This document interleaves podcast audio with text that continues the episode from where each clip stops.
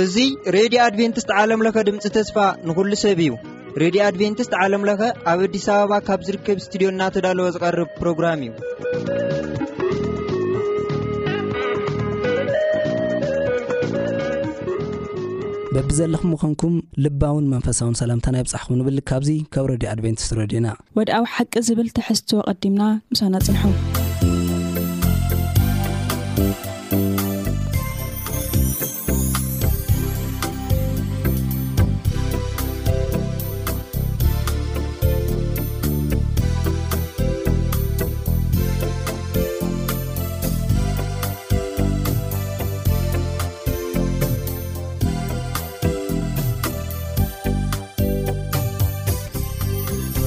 ሰላም ከመይ ቀኒኹም ክብራት ተኸታተልቲ መደባትና እዚ መደብ እዚ ኩሉ ግዜ እነቕርበልኩም መደብ ውድዓዊ ሓቂ እዩ ሕጂ በፂሕናዮ ዘለና ክፋል መበል 12 ትምህርቲ እዩ ሒዝናዮ ዝቐረብና ርእስቲ ከዓና ኣስቴርን መርዶካይን ይብል እቲ ሎሚ ሰሙን ዝፅናዕ ጥቕሲ ድማ እወ ንሱ ይብል፣ ንነገድ ያእቆብ ንምትንሳእ፣ ነቶም ዝተረፉ እስራኤል ንምምላስ፣ ባርያይ ምዃንካ ኣዝዩ ሒደት እዩ። ምድሓነይ ክስካዕ ምድሪ ምእንቲ ክበጽሕሲ፣ ብርሃን ኣህዛብ ከኣ ክገብረካ ዝብል ኣርእስቲ፣ ኢሳይያስ ኣርብዓን ትሽዓተን ፍቕድ ሽዱሽተ፣ ይርከብ። እዚ መደብ እዚ ሒዝናልኩም ዝቐረብና፣ ኣነ ሳሌም ነጋሲ ምስ ጋሻና መምህር ኣስፋው በርሀ፣ ኣማን ፍስሃየ ብምዃን ኢና እዚ መደብ እዚ ሒዝናልኩም ቀሪብና። ቅድሚ ናብቲ መደብ ምእታውና ከኣ ሓውና ኣማን ፍስሃየ ብጸሎት ክኸፍተልና እዩ። እሺ ንጸሊ እግዚኣብሔር ኣምላኽ ስለዚ ግዜን ሰዓትን ነመስክነካ ኣለና ስለዚ ሃብካና ዕድል ተመስገን ሕጂ ድማ ቃልካ ክነመሓላልፍ ከለና ንስኻ ትረድኣና ከም ቃልካ ድማ ክንነብር ክንመላለስ ፀጋኻ ተብዝሓና ንለምን ብጎይታና መድሓን የሱስ ክርስቶስ ስም ኣሜን ኣሜን ከምቲ ደወልክኹም ክደግመልኩም እየ እወ ንሱ ይብል ንነገድ ያቆብ ንምትንሳእ ነቶም ዝተረፉ እስራኤል ንምምላስ ባራይ ምዃንካ ኣዝዩ ሒደት እዩ መድሓኒ ክስካዕ ምድሪ ምእንቲ ክበጽሕ ብርሃን ኣህዛብ ከኣ ክገብረካ እየ ዝብል ኢሳያስ ኣርብዓን ትሽዓተን ፍቅዲ ሽዱሽተ። ከም መእተዊ እስከ መምህር ኣስፋው እዞም ሰማዕትና እዚኦም ካብ ናይ ኣስቴርን ሞርዶካይ ክነመሓላልፎ ትደልይዎ ነገር ዘሎ መእተዊ ሓሳብ ትገልጹልና ትደልዩ? እወ ክንሪኦ ከለና ኣስቴርን ሞርዶካይን እቲ ቀንዲ ሞርዶካይ እዩ ሞርዶካይ ንኣስቴር ኣኮኣ እዩ እዞም ቤተሰብ ኣስቴርን ኣኮኣን ወይ ሞርዶካይን ሓውቱን ካብቶም ኣብ ስደት ናብ ምርኮ ባቢሎን ዝኸዱ ሰባት እዮም። ምናልባሽ እቲ ግዜ ክንሪኦ ከለና ኣስቴር እውን ኣብዚ ናይ ምርኮ ናይ ስደት ሃገር እተወልደት ጎርዞ ክትከውን ትኽእል እያ። ስለዚ እዞም ሰባት እዚኦም ናብዚ ዘለውዎ ዓድን ቦታን ዝመፁ መችዎም ደልዮሞ ዘይኮኑስ ኣንፃር ድሌቶም ብዝኾነ ተማሪኾም ንሶም ይኹኑ ወይ እቶም ቤተሰቦም ተማሪኾም እዮም ካብ ሃገሮም ናብዚ ዓዲ እዚ መፂኦም። ስለዚ ኣብ ዓዲ ስደት ኣብ ዓዲ ጓና እዮም ዝነብሩ ዘለዉ። ብዝኾነ ግን ክልቲኦም ካብ ወለዶም እተማህርዎ ነገር ክኸውን ይኽእል እቲ ናይ ጥንቲ ናይ ኣቦታቶም እምነት ኣይረስዕዎን ኣብቲ ናይ ጥንቲ ናይ ኣቦታቶም እምነት እዮም ነይሮም ኣብቲ ንኣብነት መዝሙር ዳዊት ከም ነንብብ እንታይ ይብለና ከመይ ጌርና ኢና ንመዝሙር እግዚኣብሄር ኣብ ሩባታት ባቢሎን ኣብ ምድሪ ስደት ክንዝምር እንኽእል ዝብል ንረክብ ኢና ብዝኾነ እዚኦም ነቲ ኣምልኾ መዝሙር ይዘምሩ ኣይዘምሩ እቲ እምነት ኣብ ውሽጦ ሒዞምም ዝነበሩ ግን ኢና እንርኢ ስለዚ እዞም ሰባት እዚኦም ካብ መረብ ቤቶም ክፈናቐሉ ከለዉ ነታ እምነቶም ኣብ ልቦም ሒዞማ ተሰዲዶም። ኣብቲ ዝነበርዎ ዓዲ ኣብ ዓዲ ስደቶም ከኣ በታ እምነቶም ኣብዚ እቲ ቀንዲ ተዋሳኣይ እቲ ሞርዶኳይ እዩ ብዕድሚኡን በቲ ሰብኣውነቱን ክንሪኦ ከለና ንሱ እዩ። እዚ ሰብ እዚ ብእግዚኣብሄር ዝኣምን ነታ እምነቱ ገዲፉ ዘይኮነስ ምስ እምነቱ እተሰደደ ሰብኣይ እዩ ነይሩ። ኣብኡ ከኣ ሕዚ ኣብቲ ዝርዝር ክንሪኦ ኢና ብኸመይ ገይሩ እዩ ኣብ እምነቱ ጸኒዑ። ኣብ እምነቱ ብምጽንዑ እንታይ ነገር ኣጋጢምዎ ብኸመይ ከ ተፈቲሑ ኣብዚ ክንሪኦ ኢና ብዝኾነ ግን እዞም ኣኮን ጓል ሓውትን ናይ ዝምድና ዘለዎም ኣብ ዓዲ ስደት ኣብ ምርኮ ኣብ ዓዲ ውርደት ኮይኖም ብርሃን እምነት ከም ዘብርሁ ኢና ክንርኢ እሞ ናይ ሎመዓልቲ ትሕዝቶና ንሱ እዩ ዝርዝር ኣቢልና ነዚ ክንሪኦ ኢና። ጽቡቕ መምህር ኣስፋው ትገልጾ ዝጸናሕካ ነጥብታት ኣብ ናይ ተወሳኺ ካልእይ ክፋል ሶኒ ከይድና ክንርኢ ከለና ኣብ ወጻኢ ኣደባባይ ፍርዲ ዝብል ናይቶም ናብ ዓዲ ጓና ከይዶም ዝተሰደዱ እሕዋት ናቶም ዝኾነ ታሪክ ይቕጽል እና ኣብ ኣስቴር ክልተ ካብ ሓደ ክስካብ ትሽዓተ ሲ ኣንቡቡ ዝብል ጥቕስታት ብዛዕባ መርዶካይ ኣስቴር እንታይ እዩ እዚ ነገራ ታይ የጋጢምዎ ካብኡኸ እንታይ ጌሮም ኣብ ኣደባባይ ፍርዲ ዘጋጠሞ ታይ ስለ ልገብር ኢሉ እስኪ ሓብና ኣማን ኣብራህርሃሊ። እሺ ብድሕሪ ውድቀት ባቢሎን ሜዶ ፋርስ መንግስት ምስ መጸ ማለት እዩ ብዙሓት ኣይሁድ ናብ ትውልዲ ሃገሮም ተመሊሶም እዮም ብዙሓት ኣይሁድ ድሕርቲ ሰብዓ ዓመት ዘይተመልሱ እውን ኣለዉ እዮም ብዙሓት ግና ኣብ ካብ ሓደ ትውልዲ ንላዕሊ ዝነበረ ሃገር እዮም ባር ዝቐጸሉ ስለዚ ነዚ ድሕረ ባይታ ሒዝና ይብል እቲ ሰንበት ምና ነዚ ሓፂር ዛንታ መበገሲ ክኸውን ኣብ ኣስቴር ምዕራፍ ሓደ ክልተ ዘሎ ጥቕሲ ነንብብ እንታይ ይብል ኣርጤክስስ ንጉስ ፋሪስ ኣብታ ኣብ ሱሳ ዘላ ቤተ መንግስቱ ኣብ ዝፋን ተቐሚጡ ነተን ካብ ህንዲ ክሳብ ኢትዮጵያ ዘለዋ ሚእትን ዕስራን ሸውዓተን ሃገራት ይገዝእ ነበረ ከም ዝብል መሰረት መንግስቲ ሜዶን ፋርስ እዋን ንግስና ኣሕሽውያርስ ክረኣ ከም ዝጀመረ ኢና ንርኢ ማለት እዩ ስለዚ ኣብ ኣስቴር ምዕራፍ ሓደ ንግስቲ ዋሽቲ ነቲ ንጉስ ምስ ኣሕዘነቶ፣ ነቲ ዜሐጐሰቶ ንግስቲ ዋሽቲ ንምትካእ ካልእ ንግስቲ ኪእልሽ ከም ዝጀመረ መጽሓፍ ቅዱስ ኣብ ታእሽሙ ይነግረና ማለት እዩ። ኣብዚኦም እምበኣር ኣስቴርን ኣቦኣ ማርዶካይን ዚረኣዩ ወይ ድማ ኪረኣዩ ዝጅምሩ ማለት እዩ። ስለዚ እቲ ናይታ ንግስት ዋሽቲ መተካእታ ክደሊ እንታይ እዩ ገይሩ? ኣብ መጽሓፍ ኣስ ምዕራፍ ክልተ ካብ ሓደ ክሳብ ትሽዓተ ዄንና እንርእየሉ እዋን፣ ድሕርዚ ንጉስ ኣርተክሰስ ኣብ ኵርኡ ምስ ዘሓለ፣ ንኣስቲን ነቲ ዝገበረቶን ነቲ ኣብ ልዕሊኣ ዝፈረዶን ነገር ሓሰበ። ሽዑ እቶም ኣገልገልቱ ንንጉስ ጽቡቕ ዝመልክዓን ደናግል ኣጓላት ነድለየሉ። ነቲ ንጉስ መልክዕን ዘጸበቓ ኵለን ደናግልን ናብ ከተማ ሱሳ ናብ ቤት ኣንስቲ ኣብ ኢድ ሔጋይ፣ እቲ ስሉብ ሓሽከር ንጉስ፣ ኣንስቲ ዝኣከቦን ሽመኛታት ኣብ ኵሉ ግዝኣት መንግስትኻ ይምረጹ። ቅብኣትን ንጽባቐን ዘድሊ ኸኣ ይወሃበን፣ ነቲ ንጉስ ደስ እተብል ጓል ድማ ክንዲ ኣስቲን ንጉስ ትኹን፣ ንግስቲ ትኹን፣ በሉ። እዚ ነገር እዚ ንጉስ ደስ ኣበሎ እሞ ኸምኡ ገበረ። ኣብ ከተማ ሱሳ ክድለያ ምስ ጀመራ ማለት እዩ፣ ሓደ መርዶክዮስ ስሙ ኣይሁዳዊ ሰብኣይ፣ ንሱ ወዲ ኢያኤል ወዲ ስምዒ ወዲ ቂስ ካብ ደቂ ብንያም ነበረ። መርዶክዮስ ምስቶም ኣብ ኢኮንያ ንጉስ ይሁዳ ዝተማረኹ፣ ንቡካድናጻር ንጉስ ባቢሎን ካብ የሩሳሌም ዝማረኾ፣ ነበረ። ንሱ ኣስቴር ንዝተባህለት ሃዳሳ፣ ጓል ሓወቦ ነበረቶ። እታ ጓል እቲኣ የመና ምልክዕቲ ወይ ድማ ብጣዕሚ ጽብቕቲ ነበረት። ንምርኣያ ድማ ጽብቕቲ ነበረት። ኣቦኣን እኖኣን ምስ ሞቱ ኸኣ መርዶክዮስ ከም ጓሉ ገይሩ ኣዕበያ። ትእዛዝ ንጉስን ፍርዱን ምስ ተሰምዐ ኣብ ኢድ ሄጋይ ናብ ከተማ ሱሳ ብዙሓት ቆናጁ ተኣከባ። ንኣስቴር እውን ኣብ ኢድ ሄጋይ ሓላዊ ኣንስቲ ናብ ቤት ንጉስ ኣምጽዋ። ኣስቴር ድማ ንሄጋይ ደስ ኣበለቶ። ኣብ ቅድሚኡ እውን ንጉስ ረኸበት ይብለና ማለት እዩ። በዚ መልክዕ እዚ እዩ እምበኣር እቲ ታሪኽ፣ እቲ ሓድሽ ታሪኽ፣ ዝተጀመረ፣ ኣስቴር ንንግስና ናብ ላዕሊ ከም ዝደየበት፣ ካብ ታሕቲ ናብ ላዕሊ ከም ዝደየበት ኢና ንርኢ። ንሱ ድማ ንጽባቐን ዝግብኣ ምግብን ካብ ቤት ንጉስ ተመደበላ፣ ሸውዓተ ኣግራድን ቀልጢፋ ሃበት፣ ንኣኣን ነግራዳን ድማ ካብ ቤት ኣንስቲ ኣብ ዝበለጸ ኣእተዋ። መርዶክዮስ ኣይትንገሪ ኢሉ ኣዚዝዋ ነበረ እሞ፣ ኣስቴር ህዝባን ዓሌታን ኣይነገረትን ይብለና። ምኽንያቱ ኣብቲ ግዜ እቲ ህዝብኻን ዓሌትካን ምዝራብ ምናልባት ሓደጋ ከምጽእ ዝኽእል ስለ ዝነበረ ማለት እዩ። ብዝኾነ ግን ከይዱ ከይዱ እቲ ታሪኽ ኣስቴር ኣብዚ ነገር እዚ ከም ተዓወተት ይነግረና። ኣብ መጽሓፍ ኣስቴር ምዕራፍ ክልተ ፍቕዲ ዕስራ ኬድና ኣብ ነንብበሉ እዋን እንታይ ዝብል ሓሳብ ኣሎ? ኣስቴር ከኣ ከምቲ ምስኡ ተዓቂባ እንተላ ንመርዶክዮስ ትእዝዞ ዝነበረት ከምቲ መርዶክዮስ ዝኣዛ ዓሌታን ህዝባን ኣይነገረትን ነበረት። ስለዚ ሽሕ እኳ እቲ ጥቕሲ ምኽንያቱ እንተዘይነገረና ግን ንምግማቱ ዘሸግር ኣይኮነን። ህዝቢ ክትዛረብ ከለኻ እትጭቆነሉ ወይ ድማ እትግለለሉ ግዜ ነይሩ እዩ። ኳና ባህልን ሃይማኖትን ድሕር ኢልና ውን ከም እንሪኦ መንነቶምን ዓሌቶምን ምሕባእ ኣድላይ እዩ ዝነበረ በዚ መልክዕ ድማ ሓቢኦም ከም ዝነበሩ ኢና ንርኢ ኢንፋክት መጨረሻ እንታይ ኮይኑ ናበይ ከይዳ ዝብል ግን እወ ጽቡቅ ተስታውሱ ተኮንኩም ኩቡራት ሰማዕትና ኣይሓድገካን ብዝብል ርእሲ ናይ ኣስቴር መጽሓፍ ኣቅሪብናልኩም ኔርና እና እዚ ህዝቢ እዚ ኣብ ኣደባባይ ተፈሪድዎ ዝነበረ ህዝቢ እዩ ኩል ሓደ ሰብ ኣይቀረን መርደክዮስ ምስ ጠፈኣ ንሳ ውን ኣይትምሓርን ኔራ ንሳ እውን ኣይመቐረየትን፣ ምኽንያቱ እቲ ኸጠፍእ ዝግብኦ ህዝቢ ተዘይድሒናቶ እግዚኣብሄር ክጥይቓ ነይሩ እዩ። ስለዚ ነገር ግን ንኣኣን ንዓሌታን ንዝመጽእ ዘርእን ትውልድን ከም ዘድሐነቶ ብዚ መልክዕ እዚ ከም ዝተደሃየቶ ይነግረና።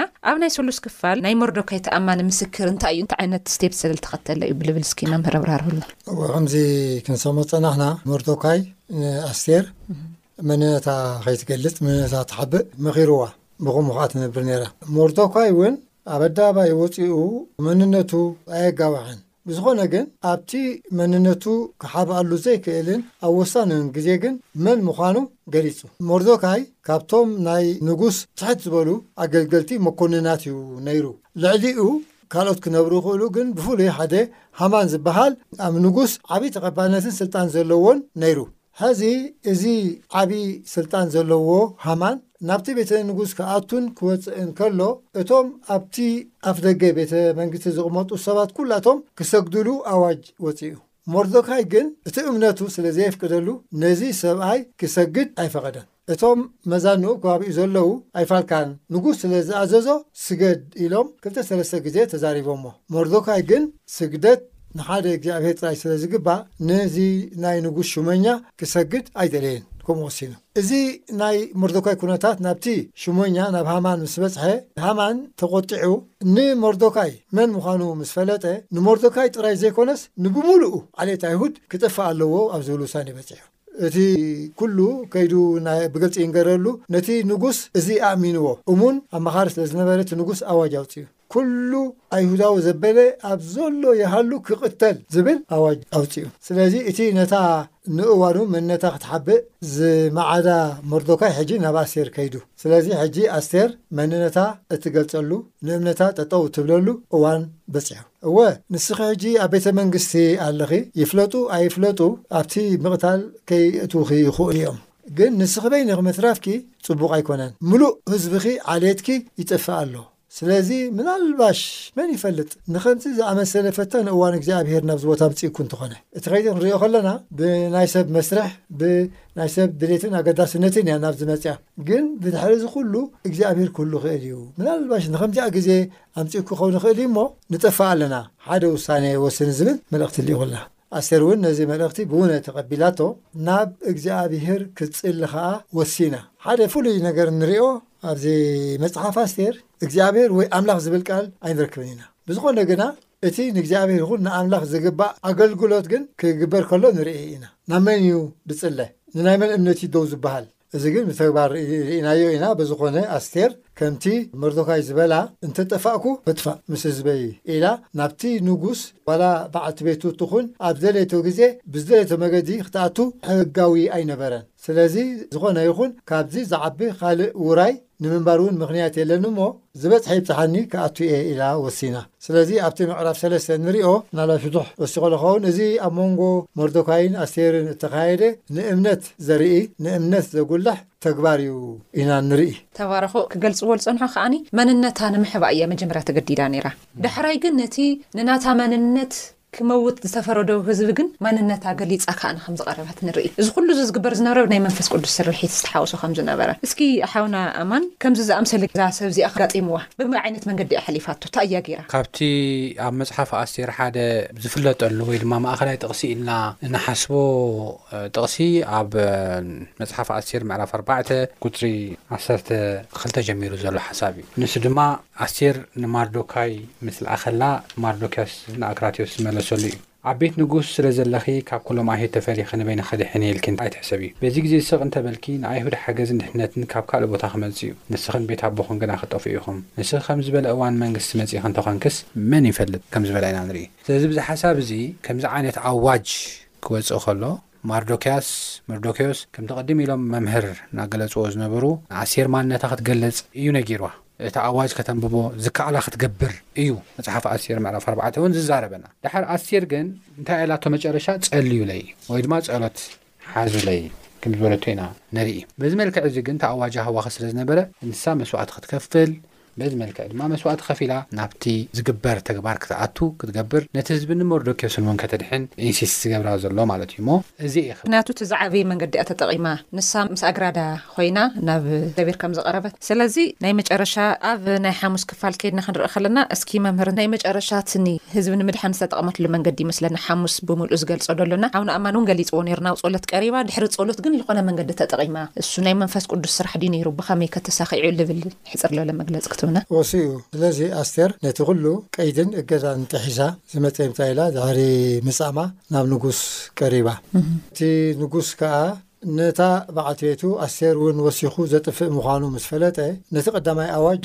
ክጥሕሶ ኣይደለየን ስለዚ ንኩሎም ኣይሁድ ከኣ ንዓርሶም ክከላኸሉ ዝብል ኣዋጅ ሂቡ እዚ እዩ ኣብቲ ናይ ቱሪም ተኣምር ንሪኦ እዚ ቱሪም ዝብል ተኣምር ክሳዕ ሎሚ ውን ኣብ ህዝቢ ኣይሁድ ዝበዓል ዘሎ በዓል እዩ ነዚ ናይ ኣስቴር ናይ ዓወት ስርሒት መዘከርታ ማለት እዩ ኣብዚ ዓዲ እውን ከምኡ ኣቢሎም ርእዎ እዮም ኣብ ሓደ ምናቤት መንግስቲ ተኸለኹ ምስታ ተኣሽሙ የገልግል ነይረ ዋ እዚ እዋን ናይ ፆም እዩ ኢላትኒ ዋእ ከምዚ ዓይነት ጾማል እንታይ ጾሙ ግዛ ምስ በልኩዋ እወ ሓንቲ ንግስቲ መልከዐኛ ከምዚ ኢላ ናብ ንጉስ ኣትያ ከምዚ ኢላ ናይቲ ንሳ ዝገበረቶ መዘከርታ ጾሎት ኣሎ ኢላትኒ ኣብዛ ዓዲ ውን ብዙሕ ግዜ ኣብቲ ናይ ኦራል ትራዲሽን ዝበሃል ወይ ኣብቲ ናይ ያታዊ ናይ ቃል ዛንታ እዚ ህዝቢ ካብ ኣይሁድ ተለቂሖም ዘበልዎ ስለዚ ኣብ ሓደ ሓደ ኣመንቲ ከምዚ ዝኣመሰለ ኣብ ናይ ተዋህዶ ማለት እዩ ነዚ ኩነታት ዘዘክር ኣሎ ብዝኾነ ግና ኣብቶም ኣይሁድ ከም ሓደ ወሳኒ ናይ ዓወት ግዜ ስለዝርእይዎ ነዚ ናይ ኣስቴር ዕውት ኣማላድነት ነዚ ናይ ኣስቴር ዕዉት ናይ ምድሓን ተልእኮ ንምዝካር እዚ ቱሪም ናይ ቱሪም ብርሃን ክሳዕ ሎሚ ይዝክሩ ኣለዉ። ስለዚ እቲ መጀመርታ ርእሲ እውን ክንሪኦ ከለና ኣብ ዓዲ ጓና ኣብ ዓዲ ስደት ኣብ ዓዲ እተማረኽካሉ እዋን እውን ንእምነትካ እተብርሃሉ ንመንፈስ እግዚኣብሄር ንወንጌል እግዚኣብሄር ክትገልጠሉ እትኽእል ኣጋጣሚታት ኪኸውን ይኽእል እዩ። ስለዚ፣ እቲ ሞርዶካይ ከምቲ ዝረኣናዮስ ታሪኹ ተዘርዚሩ ተማሪኹ ዝኸደ ሰብ እዩ፣ ግን ነታ እምነቱ ኣብ ዓዱ ገዲፍዋ ኣይከደን። ኣብ ውሽጡ ሒዝዋ ከይዱ፣ ሕዚ ኸኣ ከመይ ኢላ ጐሊሃ ኣብ ምሉእ እታ ሃገር ከም እተራእየት፣ ኣብቲ ሽዑ ሚእትን ዕስራን ሸውዓተን ሃገራት ኢሉ ሚእትን ዕስራን ሸውዓተን ሃገራት ዝገዝእ እነበረ ንጉስ እቲ መልእኽቲ ከም ዝበጽሐ ንርኢ። ስለዚ፣ ኣብዚ ኽንሪኦ እንኽእል ካብ እምነትካ በቲ ዘጋጥመካ ግዝያዊ ሽግርን ገልታዕታዕን ዘይምርሓቕ፣ ኣብታ እምነትካ ጸኒዕካ ምንባር እግዚኣብሄር ንዓኣ ዝጥቀመላ ግዜን ኣገባብን ከም ዘሎ ኢና ንርኢ። ስለዚ ብሓፈሻ ካብዚ ናይ ሞርዶካይን ናይ ኣስቴርን ታሪኽ ክንሪኦ እንኽእል፣ እምነትካ ኣብ ውሽጥኻ ሒዝካ እንተ ኸድካ፣ ንእዋኑ መንነትካ ተሓባእካ፣ ኣብ ቤተ መንግስቲ እንተ ኣተኻ፣ እዝን እትን እንተ ገበርካ፣ እታ እምነት ኣብ ውሽጥኻ ክሳዕ ዘላ ግን እትበርሃሉ እዋን ከም ዘሎ ኢና ንርኢ። ስለዚ ኣብዚ ናይ ሞርዶካይን ናይ ኣስተርን ዛንታ ክንሪኦ ንኽእል ብጉልሂ እዚ እዩ። ቁሩብ ዝሰገርናዮ እንተሎ ከም መጠቓለሊ ክንሰምዖ ኢና ብዝተረፈ ግን ንሱ እዩ እምነትካ ሒዝካያ ኣብ ውሽጥኻ እንተድኣ ጸኒሕካ እትጎልሓሉ ትወጸሉ ግዜን ኣጋጣምን ከም ዘሎ እዩ። ጽቡቅ ተባረኹ ኣማን ፍስሃየን መምህር ኣስፋው። ናይ መጨረሻ መጠቃለሊ ትንቢት መንፈስ ዝጸሓፎ እንታይ ይብል ኣብዙይ ንሕድሕድ። እዛ ኣስቴርን መርዶክያ ድሓለፍዎ ፈተናታት ኢቭን ኢፍ ኣብ መላእ ዓለም ንዘለኹም ሰማዕቲ መደባትና በዚ ዓይነት እዚ መንግዲ እዚ ብትሓልፉ ፈጣን ልኾነ መልሲ ትረኽብሉ ንሳ ሕጂ ናይ ሒደት መእሳዕታት እያ ጸሎት ጌራ ናብ እግዚኣብሔር ድሕሪ ሓደ መዓልቲ እኮ ክቅተሉ ዝኽእሉ ኣህዛብ እዮም ኔሮም ነገር ግን ብቲ መንገዲ ንሱ እቲ ጥያቂ ከም ዝቀየረቶ የርእየና እና ታይ ትብል እዚ መንገዲ እዚ ብዙሓት ደቀንስትዮ ኾነ ብዙሓት ኣስኡቲ ኾነ ብዝሓት ቆልዑት ክጥቀምሉ ከም ዝግብኦም ቻሌንጅ ትገብር እታ ጸሓፊትና ማለት እዩ ምኽንያቱ እታ ሰዓት ንሳ ተጠቒማ እያ ንብዙሓት ነብሳ ተትሪፋ ስለ ዘንሕና ከም ባህሊ ዋላ ናብ ማሕበረሰብና ክስፋሕፋሕ ከም ዝጀመረ ይነግረና ስለዝታ ክብለኩም ይደሊ ባህልን ማንነትን ኩነታትን ከይገደወኩም በታ ኩነታት እዚኣ ብዙሕ መፈንጥራታት እንተ ኣቲኹም እግዚኣብሔር ከም ናይ መርደኪዮስን ከም ናይ ኣስቴርን ከበድቲ ዝበሃለ መፈንጥራታት ክፈትሖ ከም ድኽእል ኢና እዚ እቲ መደባትና ዘመሓላለፎ ታይታይ መንገዲ ተጠቒሞም ገሊጽናዮ ኢና ብምልኡ ንተወሳኺ ሓበሬታ ግን ኣብ ኣስቴር ምዕራፍ ክልተ ጀሚርኩም ደሎ ኢኹም ትቕጽልዎ ናታ ታሪክ ኣብ ምዕራፍ ክልተ እዩ ዝጅምር ዋና ምድሓን ድገበሮም ግን እስራኤላውያን ድሕሪ ሰብዓ ዓመት ናብ ዓዶም ክምልሶም ፋርሳዊ መንግስቲ የልዒሉ ዝደሓኑሉ እኮ ኣብ ናይ ፋርስ መንግስቲ እዩ እምበር ዳተጨቆኑ እዮም ኔሮም ጣኦት ክሰጉዱ እዮም ዝግደዱ ኔሮም ግን ዋላ ሓጥያተኛታት ይኹኑ ክፉኣት ይኹኑ ነገር ግን ብንጉስ ፋርስ ጌሩ ክዳህዮም ከም ዝደለየ ከም ዝበጽሐሎም ከም ዝርሓርሐሎም ይነግረና እና እግዚኣብሔር ኣምላኽ ብዚ ዝተምሃርናዮ ምንባር ክንኽእል ጸጉ የብዝሐልና ንዝነበረና ጻኒሒት እዚ ይመስል ጥያቄን ሓሳብን ብዝህልየኩም ብልሙድ መስመራትና ባዶ ትሽዓተ ሰማንያን ትሽዓተን ሰብዓን ሸውዓተን ኣርብዓን ሓምሽተን ቴስዓ ብምባል ተወሳኺ ስልኪ ቁጽሪ ድማ